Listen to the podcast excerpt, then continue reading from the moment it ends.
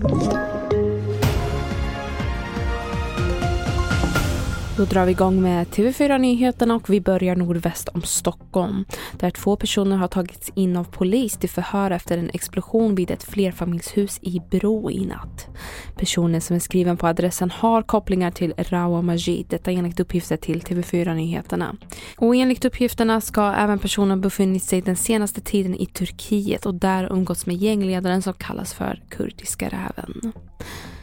En man har under natten gripits av polis efter att ha skjutit mot bilar på en parkering i centrala Hedemora i Dalarna.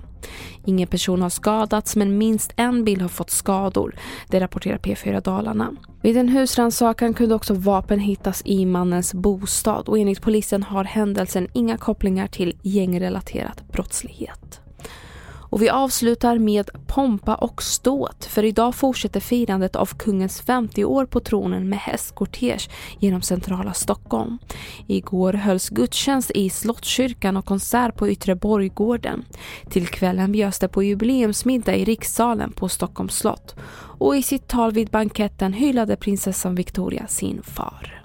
Ers Majestät, kära pappa. I 50 år har du varit Sveriges kung.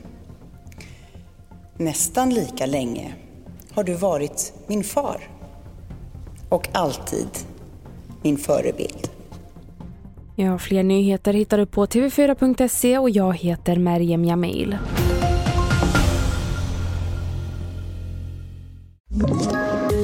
Poddtips från Podplay. I podden Något Kaiko garanterar östgötarna Brutti och jag, Davva, dig en stor dos skratt. Där följer jag pladask för köttätandet igen. Man är lite som en jävla vampyr. Man har fått lite blodsmak och då måste man ha mer. Udda spaningar, fängslande anekdoter och en och annan arg rant. Jag måste ha mitt kaffe på morgonen för annars är jag ingen trevlig människa. Då är du ingen trevlig människa, punkt. Något Kaiko, hör du på Podplay. Därför är gardinerna.